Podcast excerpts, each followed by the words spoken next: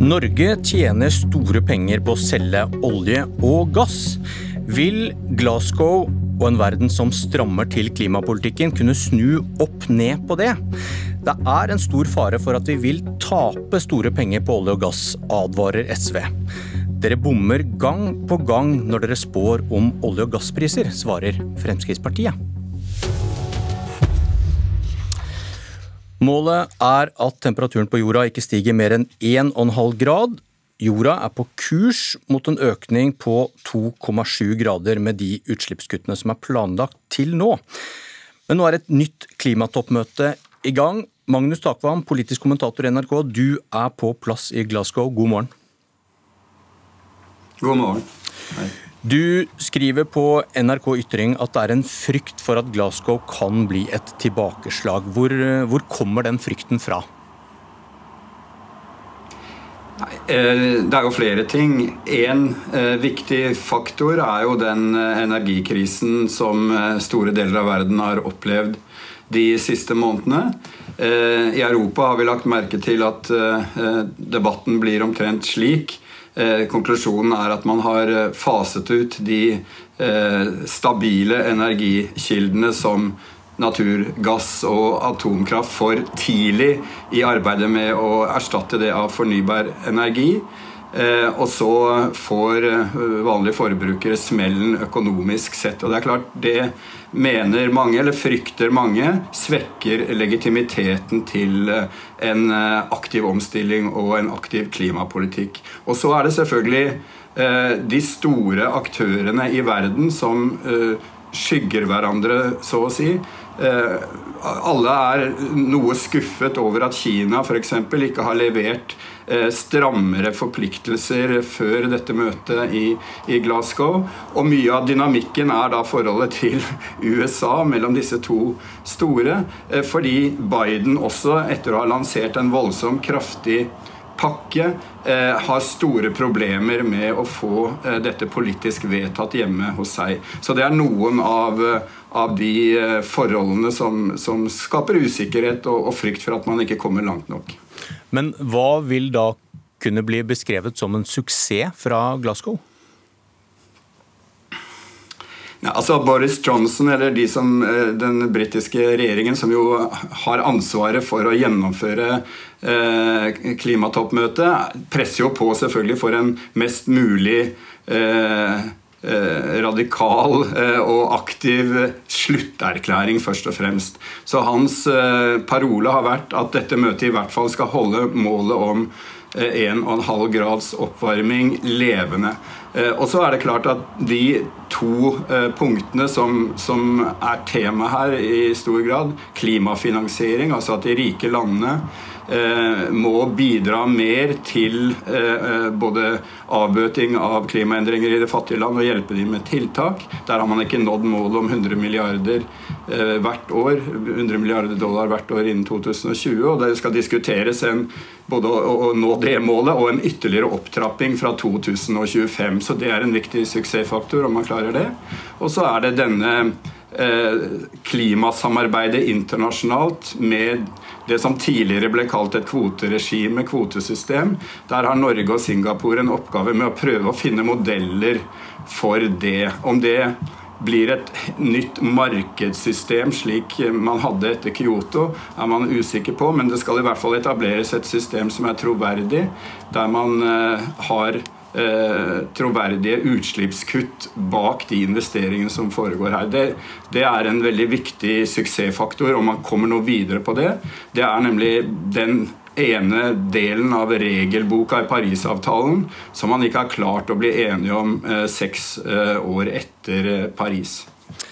Jeg sitter her med to gjester som skal diskutere om det er lurt av Norge å fortsette å lete etter olje og gass, hvis vi da teller penger og ikke utslipp. For vil vi kunne tjene penger på olje og gass hvis verdens land innfører klimapolitikk som straffer utslipp for å nå et 1,5-gradersmål?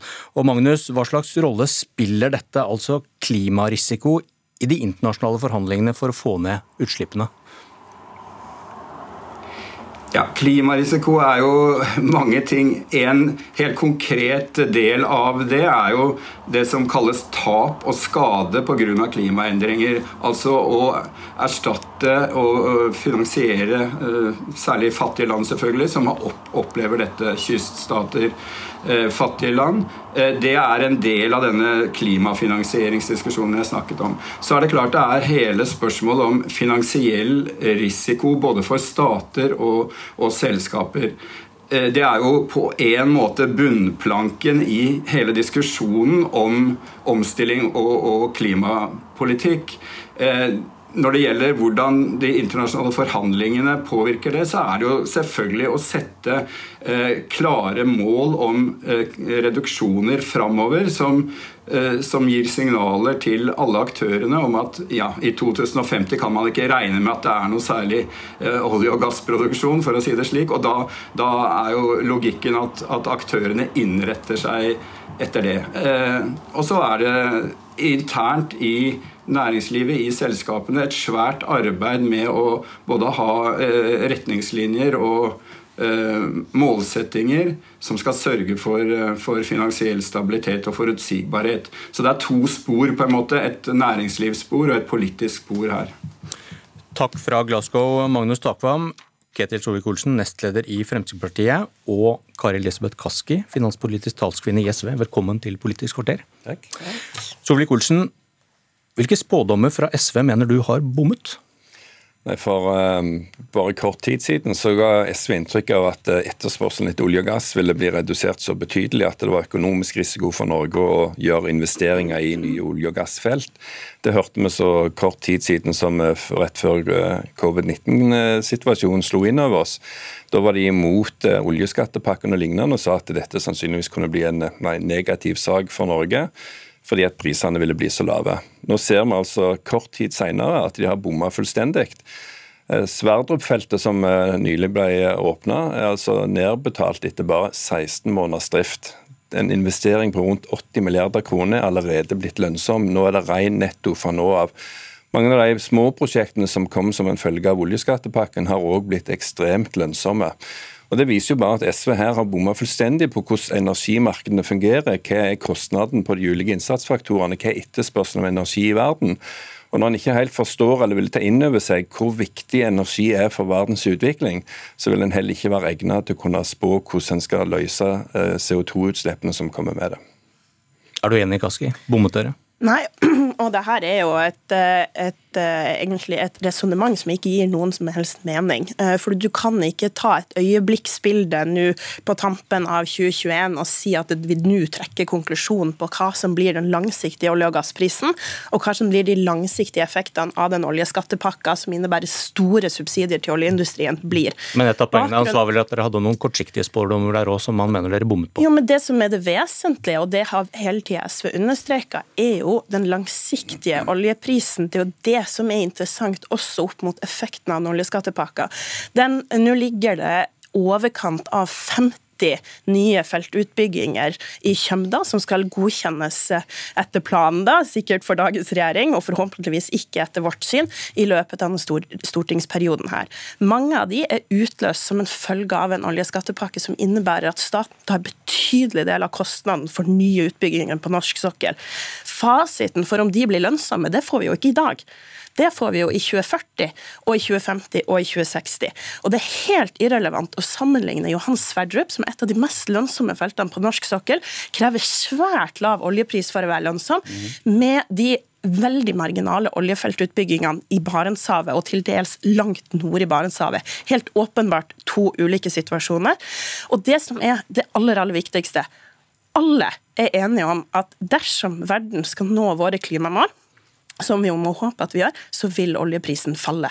Det er en helt klar uh, faktor for å klare å nå de målene, fordi at da må etterspørselen etter olje og gass reduseres. Så det er jo klart, Vi kan jo velge å tro at oljeprisen vil være høy, men da har vi også gitt opp kampen mot klimaendringene. Faktum for denne debatten var at dere for bare drøyt to år siden sa at allerede når koronaen var ferdig, så oljeprisen var så lav at investeringene ville være ulønnsomme. Dere har tatt grådig feil. Det er altså den kortsiktige analysen. Så jeg er helt enig òg at det er et langsiktig perspektiv her. Der er det to moment. Det ene er momentet at hvis et oljefelt allerede er nedbetalt etter et par år, så er det altså ren netto. Selv om oljeprisen blir lav i 2050, så har du nedbetalt oljefeltet, sånn at det er ikke tap. Den gangen det blir tap, det er når driftskostnadene eventuelt er høyere enn oljeprisen. Men da kan du stenge det ned. Det betyr ikke at du skal la være å bygge det ut. Punkt to. Ja, jeg ønsker jo at vi får en global prising på CO2. Norge har en enormt høy pris på CO2 sammenlignet med resten av verden, sammenlignet med kvoteprisene. Det er ugunstig både for norske innbyggere, men ikke minst for norsk næringsliv. Hvis vi kunne fått en global tilnærming på dette, så ville det vært mye bedre. Det ville styrka norsk næringsliv sin konkurranseevne. Men selv i en situasjon med en global pris på olje og gass, på CO2-utslippene, så ville det jo vært norske oljefelt, norske gassfelt, du sannsynligvis ville drifta lengst, for de har lavest utslipp i produksjon. Men ikke minst, norsk olje er òg faktisk renere i innhold enn olje fra stort sett alle andre steder. Det er mindre svovel, den er mer lettflytende. Ergo, hvis verden fortsatt skal ha en petrokjemisk industri i 2040, 2050, i 2500, så vil du trenge sannsynligvis olje og gass som en del av innsatsfaktoren. 20% av dagens oljeproduksjon går nettopp til petrokjemisk industri. Og Da vil jeg heller at vi har kontroll på de ressurskjedene, og at det er den reneste olja vi bruker, enn at vi skal legge ned i Norge for at eh, si, bandittstater i hermetegn, som Venezuela, Midtøsten, skal produsere verdens oljeforbruk, og at Russland og Qatar leverer verdens gassforbruk. Her er det feil på feil i resonnementet. Og jeg tror at, at Solvik-Olsen er litt for opptatt av oljeselskapenes ve og vel, og litt for lite opptatt av statens finanser. For selv om Ja, la meg snakke ut, så skal jeg gjøre det. For selv om et oljeselskap kan oppleve at, at, selv, at, feltet som er investert i, blir lønnsomt, så betyr ikke det at det blir det for staten.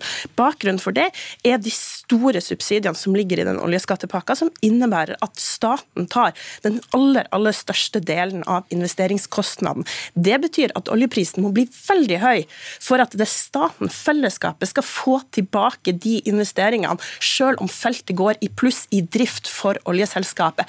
Dette har vært tydelig vist fra en lang rekke økonomer som har sett på effektene av den oljeskattepakka. Det er en ren gambling i at oljeprisen kommer til å være svært høy på lang sikt. Kaski, bare skyte inn. Du, du, du, du nevnte at eh, Sverdrup ikke kunne sammenlignes. Hva skjer da hvis man finner et nytt stort felt nær eksisterende infrastruktur som er lønnsomt med veldig lav oljepris? Da faller vel det økonomiske argumentet ditt. Da må du over på et rent klimaargument, eller? Ja, og det klimaargumentet må jo helt til å ligge bak her. Uh, og det må vi ha med oss. Så, Men blir det ikke litt sånn eh, for, forvirrende for nei, de som skal støtte deg? nei, fordi vi må jo ha med både det økonomiske og det klimamessige argumentet. Flere av de oljefeltene, de over 50 oljefeltene som ligger nå planlagt for utbygging på norsk sokkel, ligger ikke i Nordsjøen, de ligger i Barentshavet. Og det var spesifikke utbygginger i, i, i Barentshavet, bl.a. Wisting-feltet. Man satt og målretta den oljeskattepakka til for å sørge for at det blir lønnsomt for oljeselskapene å bygge ut, ikke for fellesskapet. Så er det helt riktig at jo, Nei, du har ikke gjort jo, det og Det er jo det som er problemet. Men, Vent litt, la snakke for deg. Skal det finnes ikke noe faglig, uh, faglig, forskning som bygger opp under at dersom Norge kutter vår oljeproduksjon, så vil andre land øke sin. Tvert imot så er den forskninga som finnes på det her, viser det motsatte. Ok, Solvik-Olsen. Vi, vi satt i dette studio for bare noen måneder siden og diskuterte Rystad-rapporten, som nettopp viser at det du sier nå, er direkte feil. Og en på, kan jeg få resonnere ferdig? Og En påpekte òg at SSB sitt resonnement gang, forutsetter jo at for at utslippene skal gå ned andre steder hvis Norge kutter våre utslipp, eh, vår, vår oljeproduksjon, så er det fordi at Saudi-Arabia heller vil øke oljeprisen, øke oljeprisen enn å, enn å, øke sin egen produksjon. Ergo, igjen, du motsier deg selv på dette.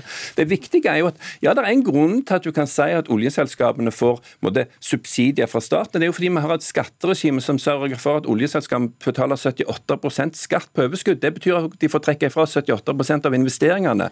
Men så lenge et oljefelt er lønnsomt med én krone, så betyr det at staten har fått tilbake pengene sine pluss litt mer. Okay. Og Det er jo der SV bommet. Nå sa du at hele resonnementet mitt var feil. Du hadde ikke et eneste punkt Men da må Kaski få avslutte? Med oljeskattepakka så vil det ikke lenger være sånn at staten får tilbake så mye skatt. Det er en reell kostnad på over 10 milliarder, antageligvis mer for den oljeskattepakka. Det, det, det, er det ene. Det andre er dersom oljeprisen okay. øker internasjonalt, så vil også etterspørselen etter olje falle. Og fornybar energi vil bli mer lønnsomt. Og Da må vi få den fra Norge uansett, fordi at petrokjemisk industri kommer til å vedvare.